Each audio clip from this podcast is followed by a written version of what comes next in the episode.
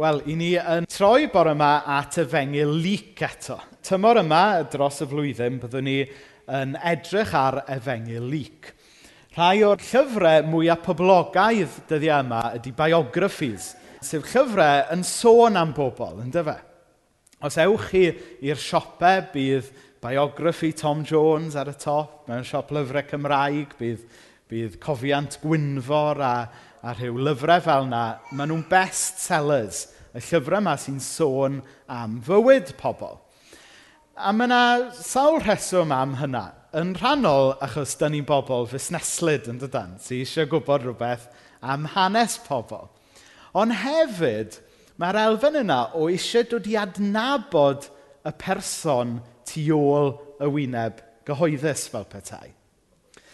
Ac y reswm pan bod fi'n dweud hwn fel gair o gyflwyniad yw bod e'n bwysig bod ni'n cofio yn y Beibl mae gyda ni bedwar llyfr arbennig sy'n rhoi bywyd y person mwyaf arbennig sydd erioed wedi bod. Mae gyda ni Matthew, Mark, Luc a Iowan. Mae gyda ni pedwar biograffi os hoffech chi am weinidogaeth gyhoeddus Iesu ar y ddeiar. A weithiau, i ni'n meddwl bod ni'n gwybod popeth am Iesu, yn dydyn? Yn arbennig falle rhai ohonych chi yma sydd wedi'ch magu yn y capel erioed. I ni'n meddwl bod ni'n gwybod y cyfan. Ond weithiau, mae'n bwysig bod ni'n edrych ar yr efengylau yn ffres. Chos falle bod yna rhywbeth o gymeriad Iesu, rhywbeth ynglyn â beth oedd Iesu'n dysgu, heb yn taro ni o'r blaen. Yn yr un ffordd a mae mae'r llyfrau yma yn dangos ochr o rhyw celebrity o'ch chi ddim yn gwybod amdano. Dros y misoedd nesaf, ni'n mynd i edrych yn ffres ar y fengel i, a gweld oes yna rhywbeth am berson hyfryd Iesu i ni ddim eto wedi i weld. O'n i'n rhannu tro diwetha dros yr haf bod ni wedi bod yng Nghebrwng ewythyr i Mena. Y Mena'n adnabod um, i ewythyr trwy oes, gwybod bod e yn ffwtbol ar hyd yn oed. Ond ar ddwrnod i Grebrwng yn ffeindio allan bod e wedi chwarae i Fulham. A, a oedd hwnna jyst rhywbeth... Cho, i, mae Fulham yn dîm awr, oedd menna, mae wedi jyst i chwarae Tregaron. um, a mae ddiddorol yn dydy, bod yna bod na beth ein ni'n ffeindio allan o bobl ond ni ddim yn gwybod amdano. Wel, tybed, dros y misoedd nesaf, oes yna rhywbeth am Iesu i ni eto i weld a gwerthorogi. So, um, tro diwetha, o'n i'n penod tri yn edrych ar neges Iwan Fydyddiwr oedd yn dweud wrth bobl baratoi i hunain i'r Meseia. A wnaethon ni ystyried, yn do? Be mae'n golygu i ni baratoi yn hunain ar ddechrau'r tymor a jyst paratoi'n gyffredinol i gyfarfod Iesu Grist. A i ni'n mynd i aros yn penod tri um, bore yma ac edrych mwy ar Iwan Fydyddiwr a beth oedd Iwan Fydyddiwr yn dweud. So mae'r darlleniad bore yma yn dod o penod 3, adnodau 716, a wedyn neidio i adnod 21 a 22. Um, na i ista fel bod fi ddim yn blocio neb. Ti'n ma'n od ista yna ni. Roedd Ioan yn dweud yn blaen wrth y tyrfaoedd, oedd yn mynd allan ato i gael ei bydyddio ganddo. Dych chi fel nyffaid o nadroedd, Pwy sydd wedi'ch chrybuddio chi ddianc rhag y gosb sy'n mynd i ddod? Rhaid i chi ddangos yn y ffordd ych chi'n byw eich bod wedi newid go iawn. A pheidiwch meddwl eich bod chi'n saff drwy ddweud Abraham ydy'n tad ni, gallai Dyw drwy'r cerig yma sydd ar lawr yn blant i Abraham. Mae bwyell barn Dyw yn barod i dorri'r gwreiddiau i ffwrdd Bydd pob coeden sydd heb ffrwyth da yn tyfu arni yn cael ei thorri lawr a'i thaflu'r tân. Felly beth ylen ni wneud, gyfynodd y dyrfa. Y tebodd Iowan, os oes gennych chi ddwy got, rhowch un ohonyn nhw i berson clawd sydd heb un o gwbl, a gwnewch yr un fath gyda bwyd. Roedd rhai oedd yn casglu'r trethu rhufeiniaid yn dod i gael eu bydyddio hefyd, a dyma nhw'n gofyn iddo, beth ddylen ni ei wneud athro. Peidio casglu mwy o arian nag y dylech chi, meddai wrthyn nhw. A beth ddylen ni wneud, meddai rhyw filwr ddaeth ato. Peidiwch dwy'n arian oddi ar bobl, oedd ateb Ioan iddyn nhw. A pheidiwch cyhyddo pobl ar gam er mwyn gwneud arian. Byddwch yn fodlon ar eich cyflog. Roedd pobl yn teimlo fod rhywbeth mawr ar fi'n digwydd. A phawb yn dechrau meddwl, tybed a Iowan oedd y Meseia? Ond ateb Iowan iddyn nhw i gyd oedd, dŵr dwi'n ei ddefnyddio i'ch bydyddio chi. Ond mae'n llawer mwy grymus na fi yn dod yn fian. Rhywun sydd mor bwysig, fyddwn ni ddim yn deilwng o fod yn geithwas sy'n datod carau ein sandalau hyd yn oed. Bydd hwnnw yn eich bydyddio chi gyda'r ysbryd glân a gyda thân pan oedd Iohann wrth i'n bedyddio'r bobl i gyd. Dyma Iesu'n dod i gael ei fedyddio hefyd.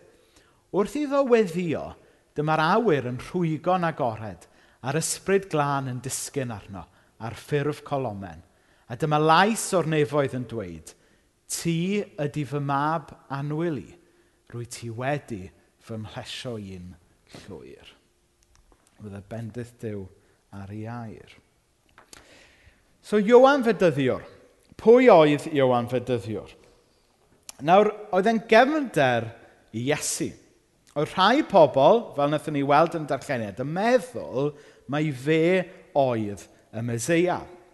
Ac yn efengil Matthew a Marc, i ni'n cael rhyw bortread ohono fe. I ni'n cael gwybod rhywfaint am beth oedd e'n gwisgo a beth oedd e yn bita. Nawr oedd e'n gwisgo blew camel fel rhyw glogwyn o'i gwmpas e. Oedd e'n gwisgo gwaregus um, wedi wneud o ledr. Oedd e'n bwyta locustiaid, rhyw fath o insects mawr, ac yn bwyta mel gwyllt. Um, a, a nes i teipio um, John the Baptist mewn ar Google Images, a dyma oedd y llun cyntaf nath o'r lan. A dwi'n meddwl fod yn lun e-, eitha, eitha da, yn ôl y disgrifiad i ni'n cael yn yr efengylau, rhywbeth fel hyn oedd o'n edrych. Heddiw, byddwn ni'n disgrifio Iwan Fydyddio fel rhywun oedd yn byw alternative lifestyle yn byddwn ni. Rhywun chydig bach, tyfod, rhywun, tyfod, licio byw yma chynllet teip o beth, tyfod. Y math yno o beth, byddwn ni, chi gwybod ni am beth fi'n meddwl, chyfod.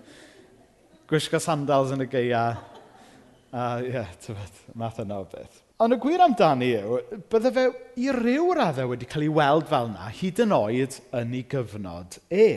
Achos beth sy'n ddiddorol am Iowan Fedyddiwr oedd bod e'n dod o deulu o offeriadon, o deulu o priests.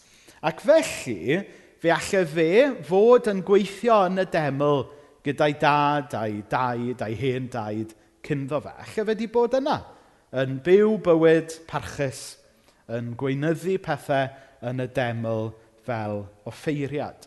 Ond mae e'n dewis byw yr, yr alternative lifestyle yma. A dwi'n meddwl bod hwnna'n dweud lot wrthyn ni ynglyn â cyflwr Israel ar y pryd, a hefyd mae'n dweud lot ynglyn â galwad Dyw ar fywyd o anfydyddiwr. Nawr, ry'n ni'n gwybod nes ymlaen yn yr efengylau, pa mae Iesu yn mynd i'r deml a gweld y llanast oedd yna. Chi'n chyfalle bod chi'n gwybod y stori ynglyn â Iesu'n troi y byrddau yn y deml. I ni'n gwybod fod y deml ar y pryd wedi colli'r ffordd. Oedd wedi mynd yn rhemp yna. Ac felly, os oedd Iwan eisiau bod yn ffyddlon i'w ddew ac eisiau bod yn wir o ffeiriad, falle mae nid yn y deml oedd y lle ddo fe fod. Felly, mewn ffordd, er mai yn yr anialwch oedd e, nid yn y deml, falle mae fe actually oedd yn neud gwaith mae offeiriad fod wneud go iawn. Ac oedd rhaid iddo fe fynd allan o'r deml i fod yn ffyddlon i ddew. A mae hwnna'n ddiddorol yn dydy. A mae'n ni feddwl ynglyn â'r alwad yna i ni. Weithiau mae rhaid ni fynd allan o'r capel i fod yn wir Cresnogion. Weithiau mae'n rhaid i fynd allan o'r capel i fod yn offeriadon i ddew yn y byd heddiw. Nawr, yn aml, byddwch chi yn gweld hyd yn oed yn y dydd ni, bod lot o bobl sydd falle yn dysgu rhywbeth heriol yn arbennig i'r eglwys, bod nhw falle'n cael ei gweld yn odd, neu yn alternatif, neu chi'n clywed, o ie, mae ganddo fe bwynt da, ond mae e bach yn od yn dweud. Ni'n clywed hynna'n cael ei ddweud am rhai pobl. Ond pe tawn ni'n onest, mae'r pobl yma sydd falle yn heriol, yn neud ni'n anghyfforddus. Y reswm maen nhw'n neud ni'n anghyfforddus yw fel arfer, mae gyda nhw bwynt. A falle bod y pwynt yna yn rhywbeth mae Dyw wedi rhoi ar eu calon nhw. Felly mae, mae Iowan Fedyddiwr fel y cymeriad chydig bach waci yma, allan yna, um, yn yr anialwch, yn hytrach nac yn y deml, mae e'n herio ni yn dydy i feddwl lle mae Dyw yn symud, sut mae Dyw yn siarad gyda ni. Achos dydy'r byd yma, a dwi ddim yn glygu hwn mewn ffordd offensif i bobl sy'n gwisgo siwt bore yma, ond dydy'r byd yma na'r eglwys erioed wedi cael i ddiwygio gan bobl mewn siwts. Mae wastad wedi bod yn bobl y rebels sy'n wastad wedi newid pethau. Y rebels sy'n wastad yn tynnu pobl yn ôl i air dew. Y pobl yma sy'n cael ei gweld yn wacu yng ngolwg y byd i'r bobl mae hanes yn edrych nôl atyn nhw a meddwl, ie, nhw oedd yn ffyddlon, nhw oedd yn tynnu ni nôl. So dyna, dyna ni eisiau dweud fel gair o gyflwynad ynglyn a Iwan Fydyddiwr. Un o brif negeseuon Iwan Fydyddiwr i, i Israel ar y diwrnod yma wrth bod nhw'n mynd i gael ei fydyddio. Oedd y bobl yma o, o gemdir Israel, oedden nhw'n mynd i gael ei bydyddio ac oedden nhw'n meddwl bod nhw'n iawn gyda Dyw jyst oherwydd bod nhw'n blant i Abraham. Oedden nhw'n meddwl bod ganddyn nhw free pass rhywset i berthynas gyda'r Dyw Byw oherwydd pwy oedden nhw. Ac mae hwn, dwi'n meddwl, yn air heriol iawn i ni yng Nghymru hefyd. Chos da ni'n byw mewn gwlad yn dydyn lle mae yna gyda ni draddodiad hir a hyfryd chrysnogol yn yn gwlad ni. A, a da ni'n ddyledus iawn i'r traddodiad yna. Ond mae e wedi'n harwen ni fel gwlad i fan le ni'n meddwl bod bod yn Gymro bron yn golygu'r un peth a bod yn Gristion. A os dwi'n Gymro, o ie, wrth gwrs dwi'n Gristion, mae, mae e bron yn golygu'r un peth. A dyma oedd problem Israel. Oedden nhw'n meddwl, we, ni'n blant e Abraham. Ni a Dew ni'n deall yn gilydd. A mae rhyw fath o broblem felly yng Nghymru rhyw raddau hefyd dwi'n tymlo. Ac yn edrych na bod fi'n siarad am neb arall. Na i jyst siarad am fy nheulu fy hun. Nawr, lan fan hyn, mae llun o um, yn had cu i. Yw'r laser mae'n gweithio yna? Okay. Ond mae e yn y llun yna, rhywle. A beth ydy'r llun yna? ydy llun o tad cu yn y coleg um, diwynyddol yn Trefeca. Yn pryd, pryd bydde fe wedi bod? Yna 50au, fe? Fe ddedwch chi danedd. Dwi'n chi oedd rownd, chi allai weid yn y 50au oedd tad cu yna. A be sy'n sgeri yw iawn, oedd tad cu, oedd e wedi mynd i'r capel trwy oes, oedd e wedi mynd i hyfforddi fod yn weinidog, a dim ond hanner ffordd trwy y broses yma gael ei hyfforddi weinidog, nath e ei hun ddod i gredu go iawn. Mae hwnna drawiadol yn dydy mor hawdd yw e, wel, dyw e ddim mor hawdd heddi falle, ond yn, yr, yn y 50au, oedd yn had cu, oedd e, oedd e jyst i cymryd yn gael ei ataol bod e'n gristion oherwydd bod e wastad wedi mynd i'r capel. Dyna yw bod yn gristion, ti'n mynd i'r capel. Um, oedd e hyd yn oed wedi mynd i treinio i fod yn weinidog hyd yn oed. Cyn bod e wedi sicrhau bod ganddo fe berthynas personol gyda Dew ei hun. A, a be nath really creu argraff ond fo, oedd cael taflen ar y stryd, a'r teitl ar y daflen yma oedd God has no grandchildren. Um, a wrth gwrs, y syniad tu ôl y daflen yma, oedd just helpu pawb i sylweddoli, er wrth gwrs bod ni'n ddyledus i'r ffordd mae'n ma rhieni a neinian teidiau wedi'n magu ni. Ond yn y diwedd, mae rhaid i bawb gael perthynas i hun gyda Dyw, yn does? Allwn ni ddim jyst walso rownd y byd yma yn arbennig wolso flaen dew a dweud, o ia, o dad yn Gristion, neu o taid y Gristion, hyfryd. Ond beth amdana ti? Wyt ti yn credu? Oes gen ti berthynas gyda Dyw? A dyma oedd neges Iwan fydyddiwr i Israel yn ei gyfnod. A dyma yw neges Iwan fydyddiwr i ni heddiw hefyd. A chyfo, mae'n hawdd chi yma bore yma mewn capel. Hawdd i chi, falle, falle bod chi, falle bod, bod ni'n smyg nawr yn meddwl, ie, yeah, mae pobl yna, chybod, nhw ddim yn adnabod i'w gwion, ond ni fod yn y capel, i ni'n saff. Wel, chyfo be, dydy just troi lan mewn capel ddim yn golygu o'r rheidrwydd bod ganddyn ni berthynas gyda Dyw. Chyfo, mae'n hawdd iawn crefydda, ond bod y galon yn rhywle arall yn dydy. A bwysig bod ni'n holi, ydyn ni'n adnabod Dyw. Ydyn ni wedi derbyn y cariad a'r myddeiant mae Dyw wedi rhoi i ni. Ac dylwn ni byth pasio barn, chybod, ar ein gilydd. Di o'n gristion, ydy hi gristion. Rhywbeth personol rhwngddo chi a Dyw yw e. So gweithio chi fe allan. Mae'r hanes mewn ymlaen wedyn. Mae Ion Fydwyr yn galw arnyn nhw. Mae eisiau chi neu'n siŵr bod chi yn iawn gyda Dyw.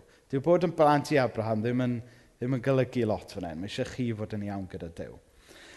Nawr, mae'n mynd ymlaen wedyn i drafod beth yn union mae hwn yn edrych fel. A mae e'n sôn am bod angen i nhw edifarhau yw'r gair yn yr hen gyfieithiad. Mae'n air mawr ydy de, a mae rhywun falle'n meddwl am rhyw ddelwedd o bregethwyr slawer dydd yn gweiddi lot mwy nag ydw i'n gweiddi, yn gweiddi ar bobl i edifarhau, jyst fel oedd Iwan Fedyddiwr yn neud. Wel, beth ydy ystyr edifarhau. Wel, ystyr edifarhau yn llythrenol ydy troi rownd.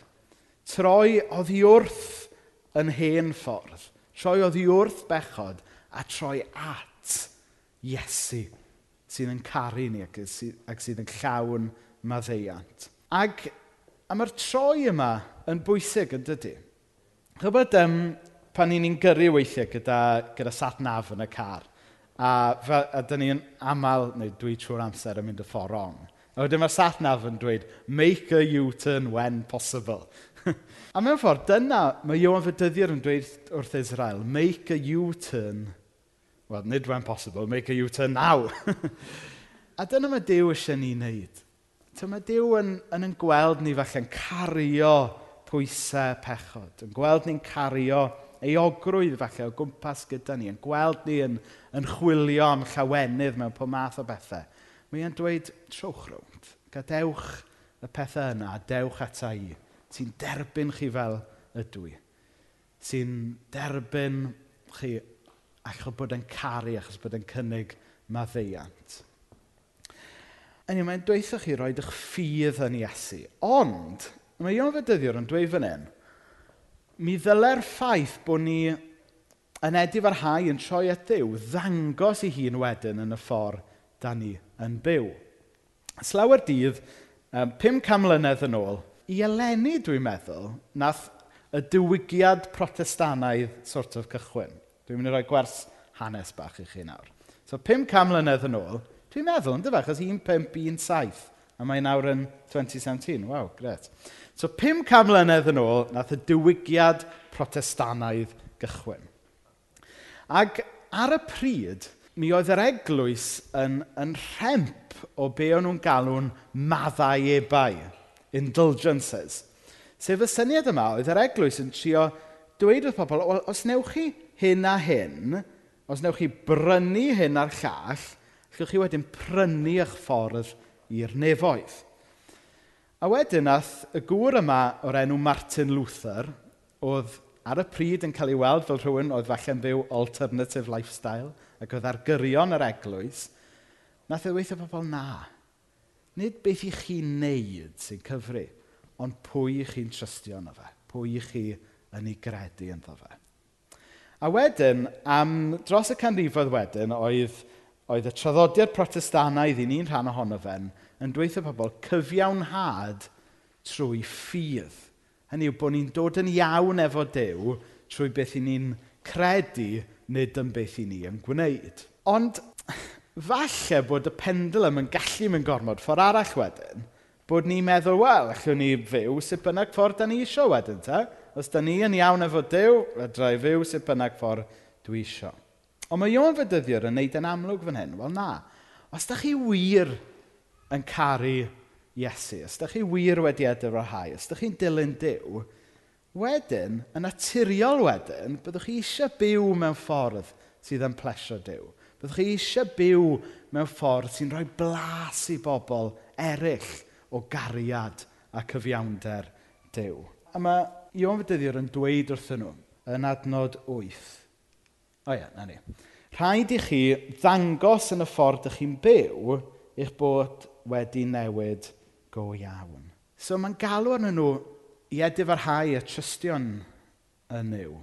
Ond wedyn, yn naturiol wedyn, dylen ni fod yn byw mewn ffordd sy'n adlewyrchu hynny.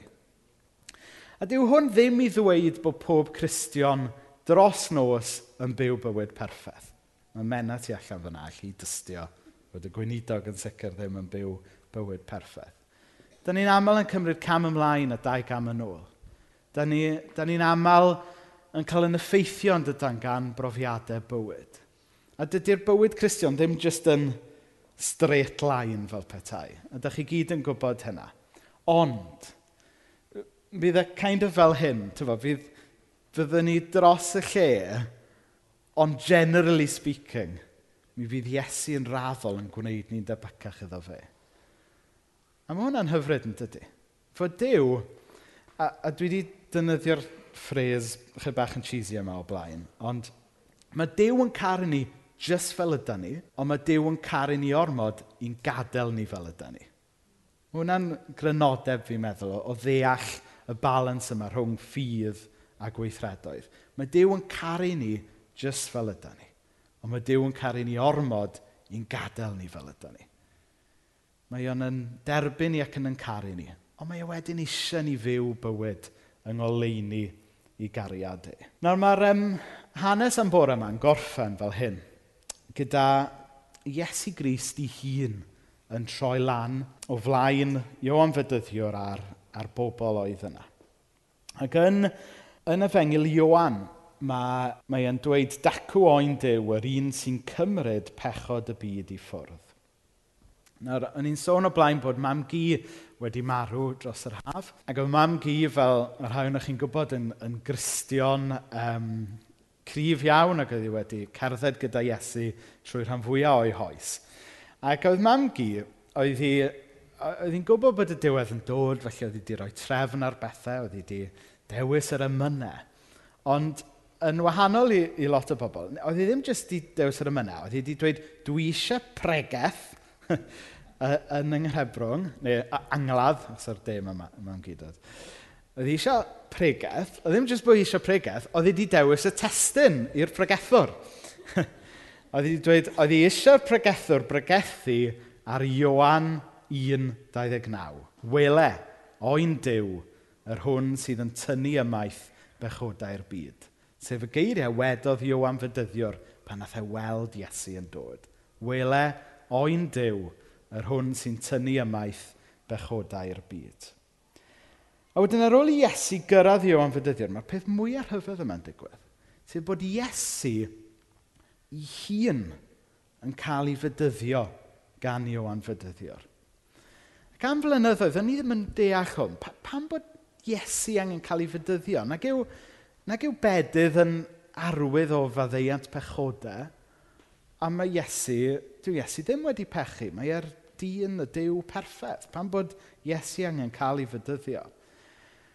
A dwi dal ddim yn deall yn iawn, mae yna rhyw dirgelwch yma yn does. Mae'n bwysig bod dirgelwch yn rhan o'n ffydd ni, dydy, fel arall, just science yma. mae angen ffydd. Pam bod Iesu'n cael ei fydyddio? Wel, rhan ohono fe yw bod Dyw eisiau dangos yn Iesu bod yn uniaethu i hun gyda ni. Bod Dyw wedi dod i lawr i'r un lefel â ni. Alla yn y gwaith bod ganddo chi fos, um, neu bod chi wedi cael gwahanol fosses dros y blynyddoedd. O gyda chi rhai bosses oedd falle yn bita'i ginio gyda pawb arall, yn torchi i lewis ac yn mynd yn stuck in, yn gweithio gyda pawb arall. Ond falle oedd gyda chi fosses eraill, o falle yn bita'i ginio ar wahân i weddill y gweithwyr. Ac os oedd yna waith budr i wneud o, oedd e'n ffindio rhywbeth i wneud yn y swyddfa wir. Ond nid felly mae Dyw. Mae Dyw yn dewis yn unieithu hun gyda ni. Mae e wedi dod i lawr i fyw yn y byd yma yn Iesu Grist. Ac felly mae Iesu yn cael ei fydyddio, dwi'n teimlo'n rhan o ddew yn unieithu hun gyda ni, gyda'n profiadau ni. So mae hwnna'n un peth. Ond dwi'n meddwl bod mwy na hynna yn mynd ymlaen hefyd. Heddiw, pan ni'n meddwl am y ddeiar a'r nefoedd, da ni'n meddwl amdanyn nhw fel dau le hollol ar wahân. Bod y, y ddeiar lawr fan hyn a bod y nefoedd fyny fan yna yn y cymylau rhwle. Ond yng nghyfnod y Beibl, ac, ac oedd Israel yn, yn gweld perthynas y byd a'r nefoedd yn wahanol, nhw'n gweld e fel rhywbeth oedd yn gorgyffwrdd i gilydd. Felly, beth i ni'n gweld fan hyn wrth i Iesu gael ei fydyddio – yw bod y ddeiar a'r nefoedd rhywsut yn gorgyffwrdd. Ac yn Iesu, yn arbennig yn ei fedydd e, i ni'n gweld, fel, fel mae'r ymadrodd yn dweud, nefoedd ar y ddeiar fel petai. Ac mae yna hen emyn gan um, Gwilym Hiraethog. Siarad am y groes mae yn benodol, a chyfiawnder pur a heddwch yn cusanu eog fyd. Nawr siarad am y groes oedd yr emyn yna. Ond dwi'n meddwl yn embedydd Iesu bod y nefoedd yn cusanu y ddeiar. A mae hwnna'n ddelwedd hyfryd yn dydy. Bod ni'n cael rhywfaint o'r nefoedd yma ar y ddeiar. A, a chyfo, mae'r syniad o nefoedd ar y ddeiar, chyfo, i'r plant felly mae'n mynd i bytlyn sewa, felly mae i chi bod unrhyw le heblaw ble mae'r plant yw nefoedd ar y ddeiar. Ond chyfo be, os ydy ni mewn perthynas gyda Iesu, mae hwnna'n chythrenol bosib cael nefoedd ar y ddeiar. Dyw hwnna ddim yn golygu bod bywyd mynd i fod yn hawdd. Dyw e ddim yn golygu bod ni mynd i osgoi poen. Dyw e ddim yn mynd i olygu, tybod, ond ni'n mynd i cael blas, ni'n cael rhagflas o'r nefoedd wrth i ni adnabod Iesu. So jyst i grynhoi cyn i ni droi at y cymen, mae Iowan yn galw ar Israel i edif ar hau, i droi ffwrdd o'i pechaldau nhw at ddiw. A mae'r un galwad i ni heddiw. I ni droi ffwrdd o'r, or pethau sy'n brifo'n hunain yn brifo pobl eraill ac yn fwyaf difrifol yn brifo Dyw. A troi at Iesu sy'n rhoi maddeiant ac yn derbyn ni fel i ni. Ond er mai ffydd yn Iesu yw'r peth pwysica, dyw hwnna ddim wedyn yn glygu bod ni'n gallu byw rhywsut rhywsut. Achos fel o'n i'n dweud, mae, mae Iesu'n caru ni fel i ni, ond mae'n caru ni ormod i'n gadael ni fel i ni. Mae eisiau ni fyw bywyd da yng ngoleini i gariad e. A wedyn, wrth feddwl am Iesu yn dod i lawr i'r ddeiar, yn cael ei fydyddio, yn uniaethu hun gyda ni, nefoedd yn dod i lawr i'r ddeiar. A ni'n gallu profi nefoedd ar y ddeiar wrth i ni drystio yn Iesu.